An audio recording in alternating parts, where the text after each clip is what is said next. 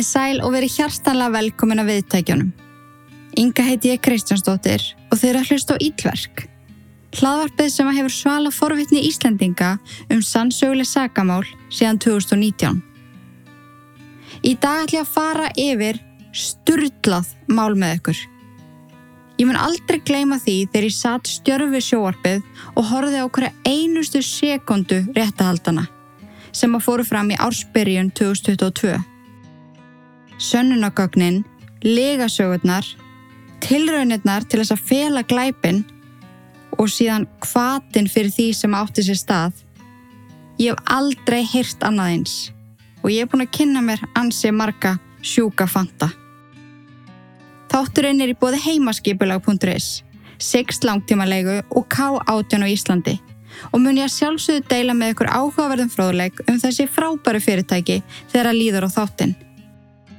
Ég vil svo endilega fá að benda ykkur á glæníuillar.is og áskriftarleðina sem er fáanleg þar. Við skráningu í áskriftina farðu aðganga 280 auka þáttum. Öllum sem að ég hef gefið út frá upphafi. Og það sem er líka mjög sniðugt er að þú getur hlusta á þætti sem að koma út í 2-3 pörtum í heilsinni. Eins og til dæmis með þannan sem að kemur út í 2 pörtum. En ég skal ekki stefja þetta. Hendum okkur að stað í mál dagsins. Fyrsti hluti af tveim í máli Chandler Haldarsson. Ungi maðurinn sem að laug sig út í hotn. Gjöru þau svo vel.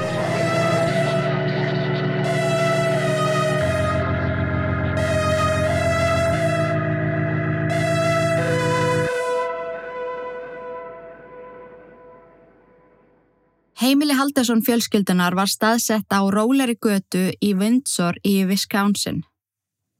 Þar byggu hjónin Krista, 53 ára, Bart, 50 ára, ásand yngri sinni þeirra Chandler, sem er alltaf kallaður Chas, 23 ára, og ekki má gleima hundunum þeirra tveim, sem voru líf og indi Chas. Hjónin áttu líka sonin Mitchell, sem er átjón mánuðum eldri en Chandler, en hann var fluttur út með unnustu sinni í hús sem að þau keftu sér saman. Hann starfaði í teknideldinni hjá stóru fyrirtæki og gekk mjög vel í lífinu en fóreldra hann skófu ekkit að því hversu stoltu voru af honum og Chandler auðvitað líka, sem var í frábæri vinnu, var að menta sig og átti kæristu sem að elska hann mjög mikið. The All American Family er eiginlega besta lýsingaorðið. Ótrúlega gott fólk sem átti fallet heimili og þau voru öll saman ótrúlega náinn. En við höfum öll heyrt þessa byrjun og þætti áður. Nákvæmlega þessa lýsingu. They had it all og við veitum líka að ekki er allt sem sínist. Því að þann 7. júli árið 2021 þá gekk Chandlerinn á lauruglustöðuna í Windsor mjög áökjufullur á svip. Hann var þarna komin til þess að láta lýsa eftir fóröldru sínum.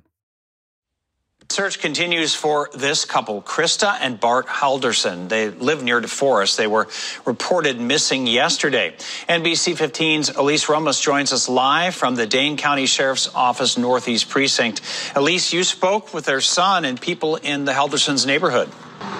Yeah, John, the Helderson's son says that he helped his parents pack up the night before their trip to their cabin in Langlade County. He hasn't seen them since. I was told they'd be home Monday or Tuesday, and Tuesday afternoon I got a little worried. Chandler Halderson says his parents, Krista and Bart, were getting picked up by friends that Friday. They were planning to be at the cabin over the 4th of July weekend. Uh, apparently they did make it. I got a text on Sunday. Halderson says after that text, he began getting worried when his calls to his mom went directly to voicemail. That's when they were I got worried and I went to make a report. Halderson says his aunt went to the cabin on Tuesday but did not find anyone there. Brett Schuster lives next door to the Haldersons. You know, this is typically a quiet neighborhood. You usually would never see anything like this or anticipate or expect to hear something like this. One of Halderson's biggest concerns who his parents were with when they left. They went with their friends. But I, I didn't ask who their friends were, so I'm still not really sure. While law enforcement searches for answers, the community is hoping for the Haldersons' safe return. Hope everything works out and this, you know, lost communication. They're up north and they pull in any minute. So thoughts and prayers to them and hope everything's fine. I called the Langlade County Sheriff's Office today for information, and they told me that the Dane County Sheriff's Office is leading this investigation. I'm waiting to hear back from Dane County on whether or not deputies did a welfare check at that cabin in Langlade County. In DeForest, Elise Romas, NBC 15 News. En þau sérst ætlaði að fara í sumarbústað fjölskyldunar sem að var staðsettur hjá White Lake og ætlaði svo að koma heim kvöldið 5. júli. En hann hafði ekkert heyrt frá þeim. Þau voru ekki komin heim og einu samskiptin sem að hann hafði átt við þau voru ein SMS skilaboð millir hans og mömmu hans, þann 4. júli. Það láta ekki vita sér var mjög ólíkt þeim, en mamma Chandler var yfirleitt í stöðu og sambandi við bræðuna ef þau fóru eitthvað í burtu. Líka því að bæði Chandler og Mitchell hafðu lendin á spítala nokkrum dögum áður. Mitchell var greindu með síkusíki og Chandler mögulegan mænuskaða. Krista greitt stanslust úr óta um strákana sína, svo það er virkilega úr karakter að heyra ekkert í þeim og tjekka ekkert á þeim. Chandler segir lauruglu að hann viti til þess að þau hafi ætlað með vinahjónum í sumabústæðin, en viti þó ekki alveg hvaða vinir það voru þar sem að þau fóru svo snemma, fyrir klukkan 6, áður en að hann vaknaði um klukkan hálf 7. En Chandler hafi hjálpað mömmu sinna að pakka fyrir ferðina kvöldi áður. Laurugla spyr hann hvers konar bíl þau aka og hvað bílnúmerið á þeim sé, en þá er hægt að byggja fyrirtæki um að aðtúa með myndavelarna sínar og einni hægt að skoða vegamyndavelar. Chandler sagði að það var ekki hægt, því að bílar þeirra begja voru enþá fyrir utan heimilið en þau fengu líklegast far með vinahjónum sínum. Ok, þá vandast málin aðeins. Laurugla spyr hann þá hverju hann hafi hjálpað um að pakka. Gæti verið að þau hafi ætlað sér að vera aðeins lengur. Chandler saði laurugla að þau hafðu látað hann vita ef þau ætlaði að vera lengur. Allavega hann að mammans. En hann vissi til þess að þau slögtu oft á símanu sínum þegar þau voru í bústanum til þess að forðast roaminggjöld eða reykigjöld þar sem að símasambandið var svo lélegt þarna. En hún kveikti alltaf á honu reglulega til þess að láta vita af sér. Hann saði svo lauruglu að hann hafi hjálpað um að pakka áfengisflöskum, verkvarum, svo tók hann eftir pappa sínum setja slatta peningum í töskuna sína.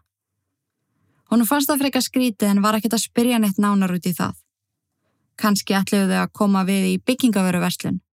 Því það þurfti að gera við glukkana í bústanum og það var líka eitthvað að lögnunum. Þannig verkværum voru líklegast fyrir það. Peningurinn mögulega fyrir nýju efni og áfengið bara til þess að fá sér smá kvöldin. En hefur eitthvað heyrt í þeim síðan þau fóru? spyr laurugla. Já, segir Chandler. Ég fekk SMS á sunnudaginn 4. júli og í því SMS-i stendur. Við erum komin á leiðarenda. Það er lélegt samband. Það var mjög mikil trafík á leiðinni ætlum á White Lake að kíkja á hátíðarhaldin, en eins og þau viti þá er þjóðáttíðadagur bandaríkjana 4. júli, svo þau hafa ætlað að fara á fagna því. Og svo segir hún, við verðum komin heim annað kvöld, elska þig.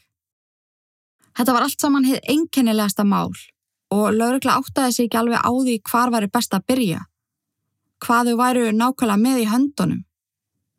Chandler gæti ekki gefið neinar sérstakar upplýsingar þar sem að hann vissi ekki hvaða vinahjónum þau höfðu farið með og ekki hvinnar þau fóru nákvæmlega. Það var því ekkert annað í stöðinni en að ræða við einstarhing kjónana, samstarfsfélaga, vini, frængur og frændur. Eftir að hafa rætt við samstarfsfélaga Barst og Kristu kom í ljós hversu ótrúlega ólíkt þeim það var að láta ekki vita af sér og mæta ekki til vinnu. Bart starfaði sem endurskoðandi og hefði gert það í yfir 15 ár. Hann vann á þessum tímapunkti heima út á COVID en var þó í sambandi dælega við aðra í fyrirtækinu og auðvitað viðskiptavinni. Hann hafði aldrei nokkuð tíman tekið sér veikindalefi, mætt seint eða ekki skilað sér verkefnum á réttum tíma. En enginn hafði heyrti honum eftir 5. daginn 1. júli. Hann mætti svo ekki til vinnu á 1. daginum og let engan vita af sér. Sama á við um Kristu. Hún starfaði í móttökunni á bílalegu. Hún hafi reyndar tekið sér nokkra frýta til þess að hugsa um sinni sína þegar að Mitchell vektist og Chandler slasaðist. En annars mætt hún alltaf kortri fyrr, held upp á kaffi, var í góðu sambandi við starfsfólki sitt og fastakuna. Hún mætti heldur ekki á förstu deginum og let engan vita af sér. Það eina sem heyrst hafi frá henni var þetta SMS sem hún sendið til Chandler. Laurugla veldi fyrir sér þeim möguleika að kannski hefðu barst Krista og vinahjónin lendi bílslisi á leðinni heim. Kert út af og veld bílnum ofan í gjótu. Eða gæt verið að vinahjónin hafi gert þeim eitthvað. En laurugla hafi samt ekki fengið neina ábendingu um bílslis og enginn hafi verið kallaður út vegna þess á svæðinu. Rannsóknu var því svolítið stopp þegar að komaði að ræða við fólkið þeirra. Enginn sá þau daginn sem að þau fóru í bústæðin, nema Chandler, því að hann bjóð með þeim. Aðrir sáðu daginn áður eða nokkurinn dögum áður og þá var allt í góðu og þau sögðu ekkert um neina bústæðaferð. En vanalega þegar að svona líti af upplýsingum er í bóði, þá er leita í manneskina sem að sá þau síðast, var með þeim síðast og svo hver tilkynnti hvarf þeirra. En í þessu tilviki áttu þessir þrýr líkil þættir við sömu manneskjuna. Chandler sá þau síðast, var með þeim síðast og var sá sem að leitaði til öruglu. Það á því ákveða að skoða Chandler aðeins nánar. Mögulega er hann að vittla um fyrir öruglu með því að tilkynna þau tínt. Kanski veita nákvæmlega hvar þau eru. Kanski var sambandi á milli þeirra skjálfilegt og hann hefur ákveða að losa sig við þau. Á þessum tímapunkti þurfti að skoða alla möguleika. Það var því ringt í Chandler og líf hans, en hann var í topp málum. Það var bókstala ekkert aðtúavert við þennan unga, efnilega 23 ára mann. En Chandler var nefandi á loka ári í Madison College eða MIT þar sem að hann var að læra verkfræði og var nokkrum mánuðum frá því að útskrifast. Hann var einni í aukanámi sem að gá hann diplómi í hybridfræði og sólarafluðu fræði. Með skólanum synd hann svo kavarastörfum hjá lauruglunni í Madison ásandi að vinna hjá American Family Insurance. En 2019 og 2020 þá neittist hann til þess að vinna heima út af COVID. En hann stóð sér samt mjög vel í að halda utanum öll sín verk heima við. Í júli árið 2021 þá hætti hann hjá American Family Insurance því að hann fekk drauma starfi sitt hjá SpaceX sem er staður sem að fólk með hans mentun dreymir um að vinna á en bara svo ég segi ykkur aðeins hvað það er nákvæmlega, þá er SpaceX bandarískur geimferða framlegandi, geimflutningsþjónusta og fjarskiptafyrirtæki sem á höfustöðvar sínar í Hawthorne í Kaliforníu. En SpaceX var stopna árið 2002 af Elon Musk og er hans markmið með fyrirtækinu að draga úr geimflutningskostnaði til þess að geta á endanum lenda á Mars. Þannig já, maður getur rétt ímynda sér Chandler var alveg í drullu góðum málum. Hann átti svo kærustuna Kat en þau höfðu verið saman í rúm tvö ár og hún var tilbúin til þess að flytja með honum til Flórida svo hann geti unnið drauma starfið sitt. Þau voru komið með fína íbúð og búin að kaupa sér bíl. Það var allt tilbúið til brottfarar og þannig í júli þegar þetta kemur allt saman upp þá ætluðu þau að vera löngu farin en það tafði plön Chandler verulega að landa í mjög alvarlegu slisi en hann hrundi aftur fyrir sig niður stegun á heimili sínu og fekk alvarlegan heilarhesting. Hreyfiketans var skerst og fyrstu dagan eftir sleysið þá gata hann lítið sem ekkert hreyft sig. Ásandi að ganga daglega um með hálskraga eða svona hálsbelgu. Hann gæti ekki keirt og mátti alls ekki fljúa á meðan hann jafnaði sig. Þetta var ótrúlega mikið bakslag, en fóreldra hans, bróður og kærasta stóðu þjætt við baki á honum og reyndu allt sem þau gáttu til þess að hvetja hann áfram og annast hann. Allar þessar upplýsingar um Chandler staðsettu hann neðst á lista yfir grunnað einstaklinga. Lauruglega taldi hann ekki hafa neitt með hvarf þeirra að gera. Það sem að setja stóðundi það var að hreyfi geta hans var verulega skerst. Það þurfti ekki að skoða hann meira og það var á þessum tímapunkti talið langlíklast að þau hafi lendt í bilslisi og bílinn hafi enda á stað sem að sást illa frá veginum. Það var því mertinn leiðin á kort, frá heimili Bart og Kristu að sumabústanu þeirra og það þurfti bara að kempa þetta svæði. Það þurfti að fara eftir veginum endilöngum og leita. Það voru ræstar út þyrllur sem að flögu yfir, drónar, leitarhundar og leitasveit og var leitin mjög umfangsmikil.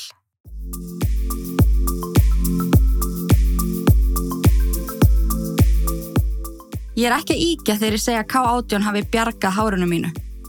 Vörurnar eru uppfullar af hreinum, háþróðum efnum sem að hafa það verkefni að byggja upp hárið, vinna úr skemdum og hreinsa upp sapnaðan viðbjóð sem áða til að sitja sem fastast í höfuleðrinu.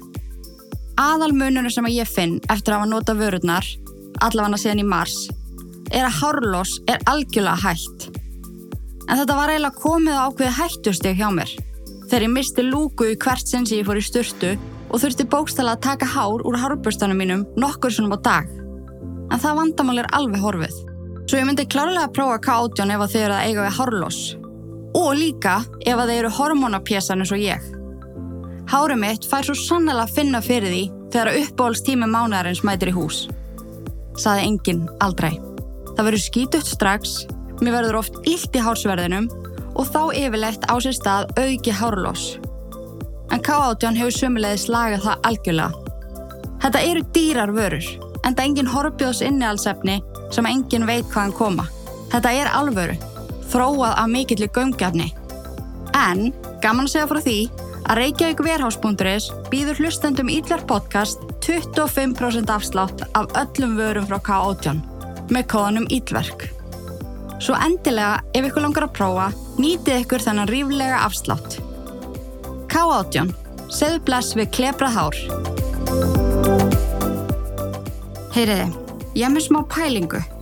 Nú eru jólina nálgast og svona, sem að ég trúi valla ég sé að segja, litlir þrýr mánuðir. Og mér langaði að spyrja þig, kannast þú ekki við það að gefa frængu, systur eða svona random krökkum í fjölskyldunni sem á veist núl hvað átt að gefa? Ég held þessi búin að finna út úr þessu fyrir okkur. Við tækifæri kíktu inn á heimaskipulag.is og farðu inn í skarkrepaboks. Þar, nummið tvö efst, finnur þú vöru sem að heitir Sérmert skarkrepaskrín. Þau eru til í svörstu, hvítu og fölbleiku og þú getur valið um tvær stærðir. Og það er hægt að láta merkja þau með nafni. Plús það er þetta geggiðu verði eða frá 3790 til 5290. Nei, vá, ég er að fara að kaupa nokkur svona. Ekkert eðlilega sætt, nýtsamlegt og personlegt, eins og þú hafið útpælt þessa gjöf. Ég varða að segja ykkur frá þessu, því að fem maður ekki alveg að detti það að vesla jólagjafir. Byrja á þessu snemma svo maður fari ekki á skallan í desember. Kíki endilega á þetta inn á okkar uppbóls heimaskipulag.is og myndu að ef þú stopnar aðgangin á heimaskipulag.is sapnar þú aukakrónum við hverja vöru sem þú kaupir. Upphæði sem að sapnast saman og þú getur svo nýtt. Og sömulegis, ekki gleyma að nota kóðan ílverk fyrir 10% afslátt af öllum vörum.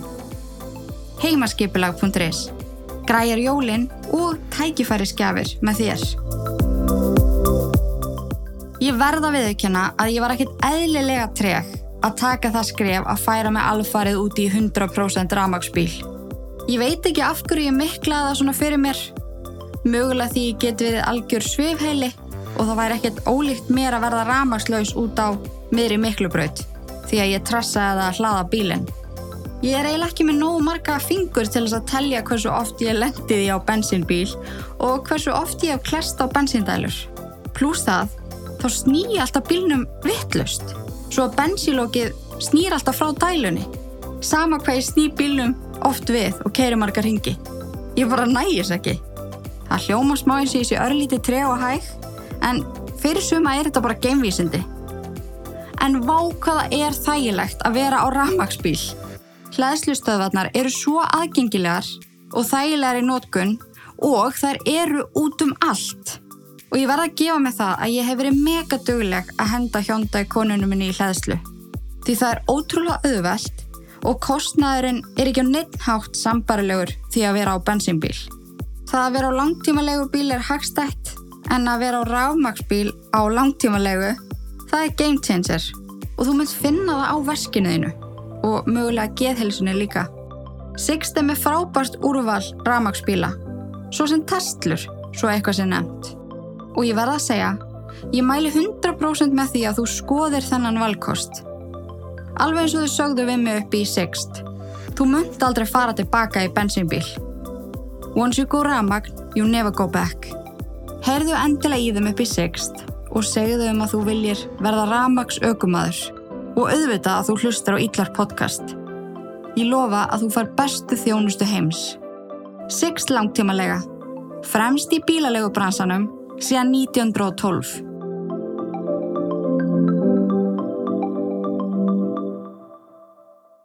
Það fóru svo laurugluþjónar að sömarbústanum og ætlaði að byrja að leita þar, en svæðið sem að umlugti bústæðin var mjög stort og mikið. Sömarbústæðin var læstur og engar bifriðar stóðu fyrir utan hann. Laurugluþjónar kíktu inn um glukkana og allt var slögt. Það leiti út fyrir að enginn hafi verið aðna, en mögulega voru þeim búin að loka og læsa og lögðast af heim þegar að bílslisi átti sér stað. Það var samt ákveða að hafa samband við bræðurna og fá leifi til þess að fara inn í bústæðin. Bara til þess að leita sér allan grunn. Mitchell kom og opnaði fyrir lauruglu og síngdi um hvert krók og kema. Honum leið líka eins og enginn hafi verið það. Ískápurum var gal tómur, það var ekki búið að gera við glukkana eða lagninnar og hann kíkti svo bak við bústæðin þar sem að fóruldra hans lögði alltaf bílunum.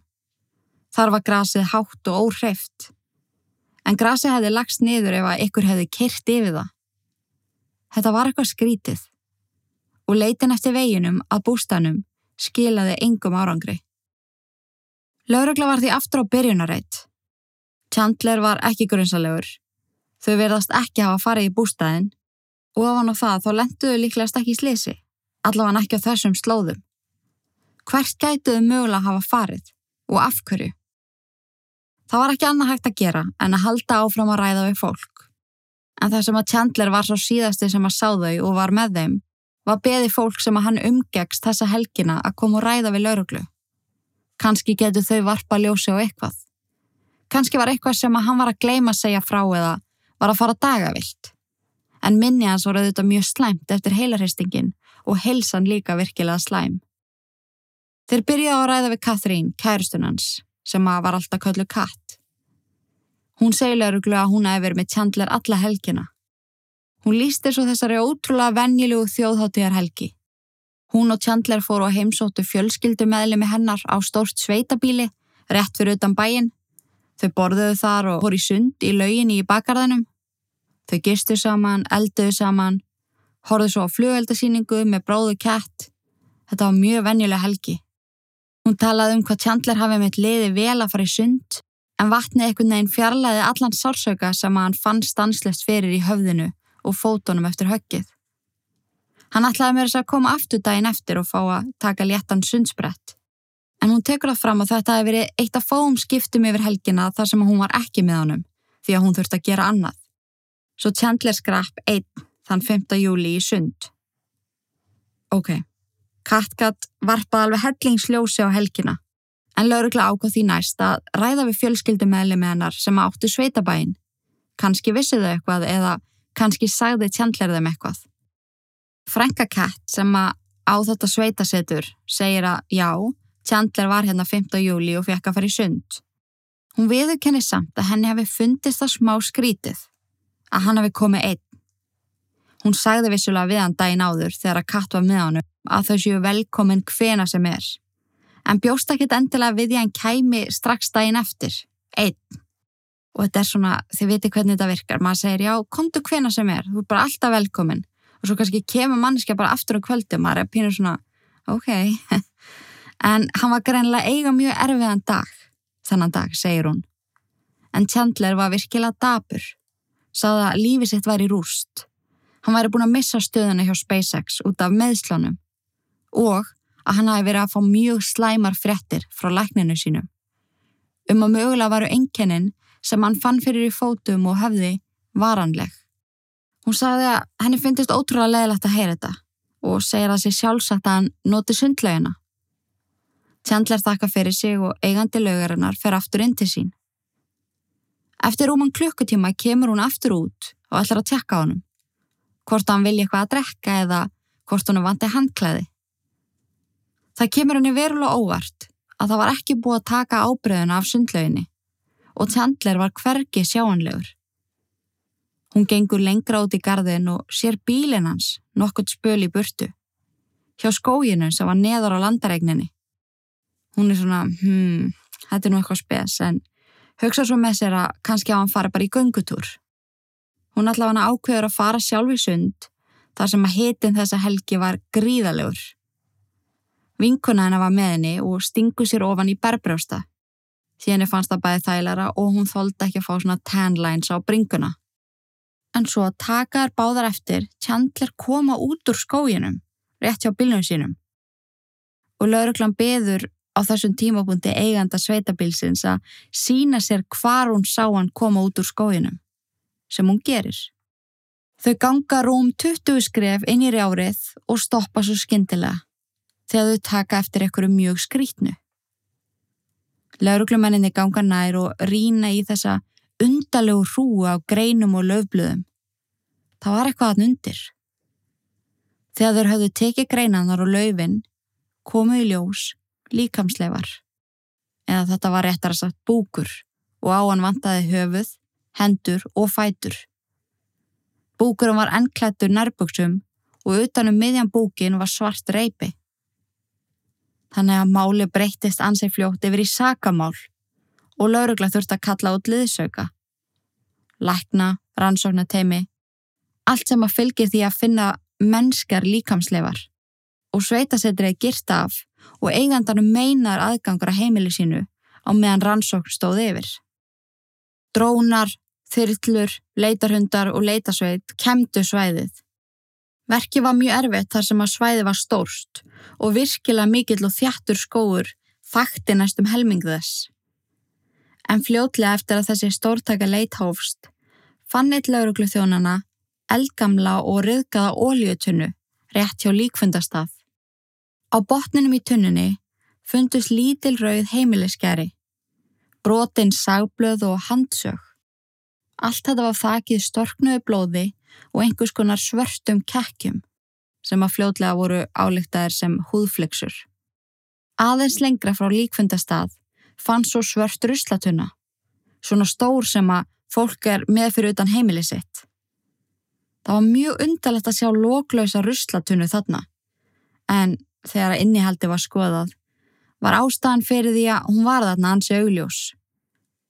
Ruslafatan hafi verið dregin ángað og vísvitandi falinn, því að ofan í henni var stór og mikill plastúkur, görsanlega þakin blóði.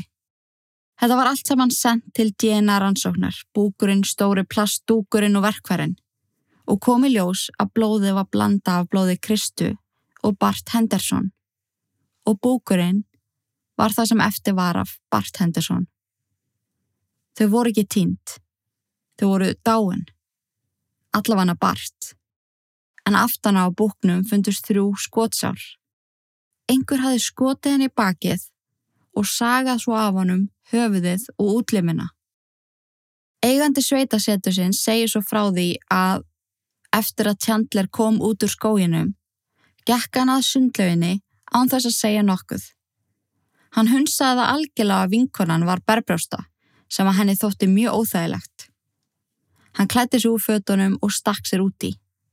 Hann syndi ekki, heldur leitan frekar út fyrir að vera að þrýfa sig. Strauk af handleggjónum, nuttaði andlitu á hárið. Hann var ofan í lauginni í svona þrjár mínútur áður en hann fór upp úr. Þakkaði fyrir sig og kvatti. Hegðun hans var verulega undarleg og hann var ekki lengur jafn ólíklegur í augum lauruglu. Það gata ekki verið tilviljun að hann gekk út úr skóginum akkurat það sem að lík föður hans fannst. Hann hlauti að hafa eitthvað með þetta að gera og til að komast að því þurfti að ræða við hann. Chandler var beðin um að koma upp á lauruglustöð en þegar það var haft samband við hann þá var hann heima á sér með kærustöðun sinni katt. Þau segja sér sjálfsagt að koma og ræða við lauruglu og leggja strax á stað á eigin bíl. Þegar á lauruglustöðuna var komið tók við rúmlega klukkustundar yfirheysla yfir þeim báðum og í sikkur og lægi. Chandler heldur sig við sömu sögu og hann sagði þegar hann kom og tilkynnti fóröldra sína týnda að hann hafi hjálpað þeim að pakka á miðugudeginum og þau voru svo farin áður en hann vaknaði á 50. morgunin. Hann fekk SMS frá mömmu sín á sunnudeginum og síðan þá hefur hann ekki heyrt neitt í þeim. En Katt var aðeins öðruvísi, henni var mjög heitt í hamsi Hún reynir að grafa upp allar mögulegar upplýsingar, en hún er mjög mikil true crime aðdáandi og veit hvað er algengt að aðelar sem að standa morðfórnalambi næst séu líklegir til þess að hafa frami verknaðin og eru yfirleitt skoðaðir hvað mest. En hún vissi að Chandler gerði ekkert og ekki hún sjálf heldur. Þau voru blá saklaus. Svo hún rótaði símanu sínum og lasi yfir öll SMS, allt sem hún hafi seifa á Snapchat, öll símtól, allt sem að gerðist yfir þennan tíma og hún reynda hjálp eins mikið hún gatt.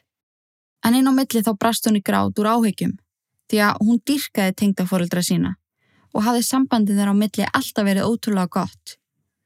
Nema eitthvað smá skrítið nokkuðum dögum áður þegar þau bönnuðu Chandler að hitta hana því að hann þurfti að sinna heimilisverkum. Henni fannst það mjög skrítið en fyrir utan þetta þá þótt henni mjög vænt um þau. Þegar Kat skrollaði gegnum síman þá rak hún augun í eitt, eitt sem hún hafi glemt og var alveg hei, já, mér fannst þetta reynda mjög skríti atvik. En hún gisti hjá Chandler lögadaginn 3. júli en var farin mjög snemmaði morgunin því að hún þurfti að vinna. En þegar hún vaknaði þá var hann ekki í rúminu. Chandler átti tvo hunda svo að Kat grunaði að hann væri mögulega með þá úti í gunguferð. Svo hún kíkir í ganni sína á Snapchat Maps en þar gáttu þau alltaf séð staðsendingu hvors annars en þá var hann staðsettur á fáróla randum og undalegum stað.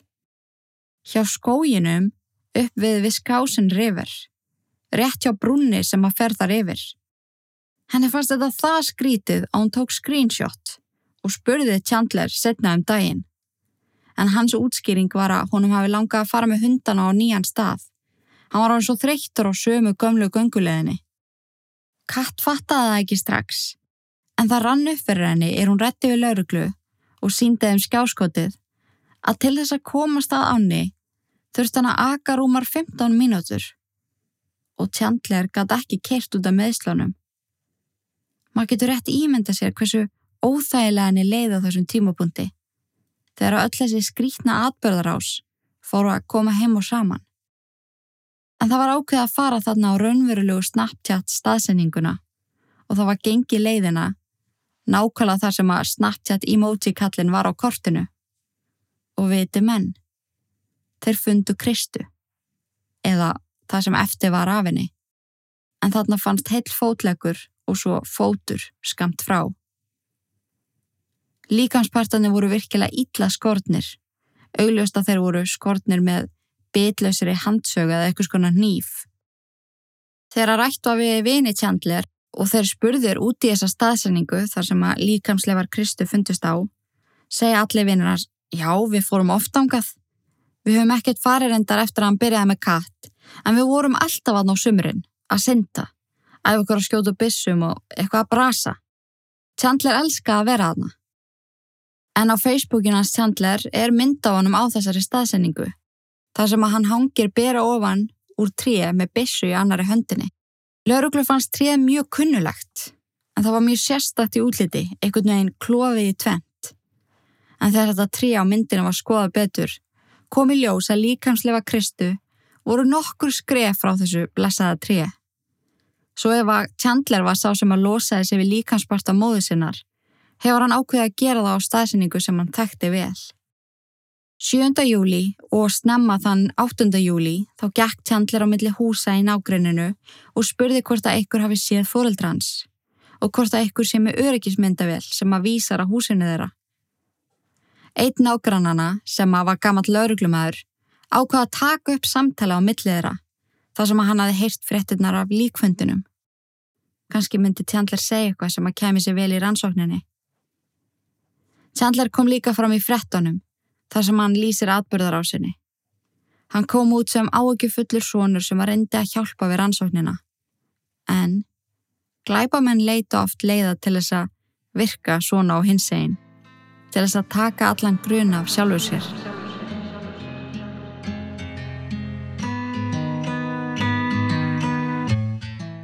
Takk kærlega fyrir að hlusta.